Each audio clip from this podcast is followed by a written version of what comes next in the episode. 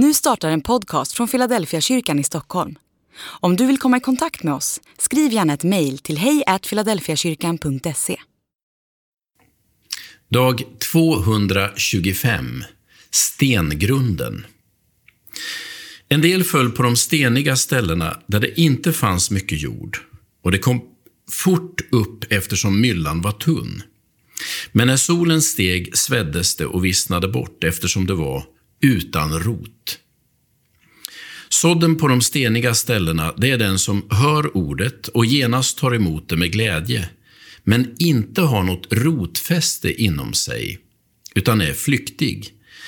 Blir det lidande och förföljelse för ordets skull kommer han genast på fall. Matteus kapitel 13, vers 5-6 och vers 19-20. Ingen människa föds med ett stenhjärta. Det skaffar man sig med tiden.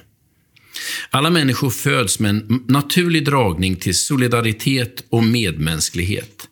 Små barn är lojala och empatiska, helt naturligt. Men med tiden trubbas detta av.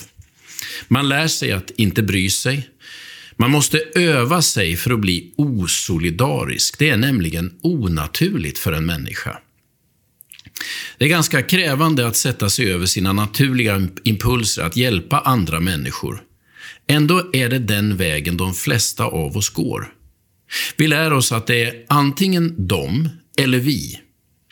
Drivkraften för att trubba av vår medmänsklighet handlar om jämförelse.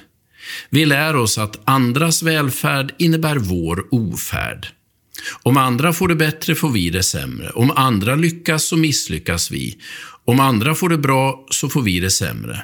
Som om hela tillvaron vore ett pyramidspel. Så länge vi är på toppen är det okej, okay, men om någon klättrar högre än vi kommer vi att falla. För mig är detta en av tillvarons största gåtor. Hur kommer det sig att människor kan sätta sig över sina mest grundläggande impulser? Hur kan vi stänga av våra hjärtan för människor i nöd? Varför tror vi att nödlidande människor kommer att plundra vår välfärd och ställa oss på bar backe? Svaret finns i ett brutalt uttryck i Bibeln. Man förhärdar sitt hjärta. Det vill säga, man måste omvandla sitt hjärta till sten.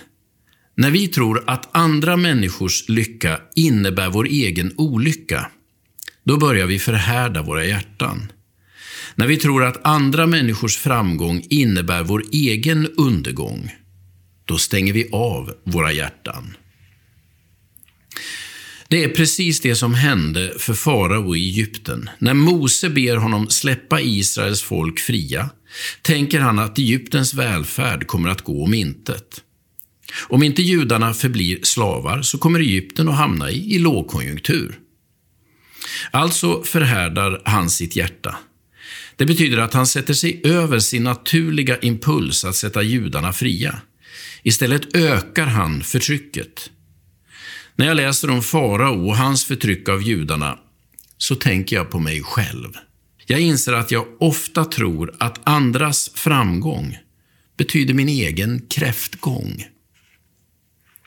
Att andra lyckas betyder mitt eget misslyckande.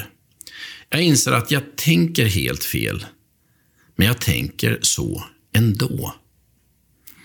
Det är detta som gör mitt inre till en stengrund. Det är dessa tankar som förhärdar mitt hjärta. Vill du undvika att bli en stenöken, då ska du fira andras framgång. Du ska glädjas över andras segrar. Oavsett hur det går för dig själv ska du fira andras framgång. Då kommer du att hålla ditt hjärta mjukt och bördigt.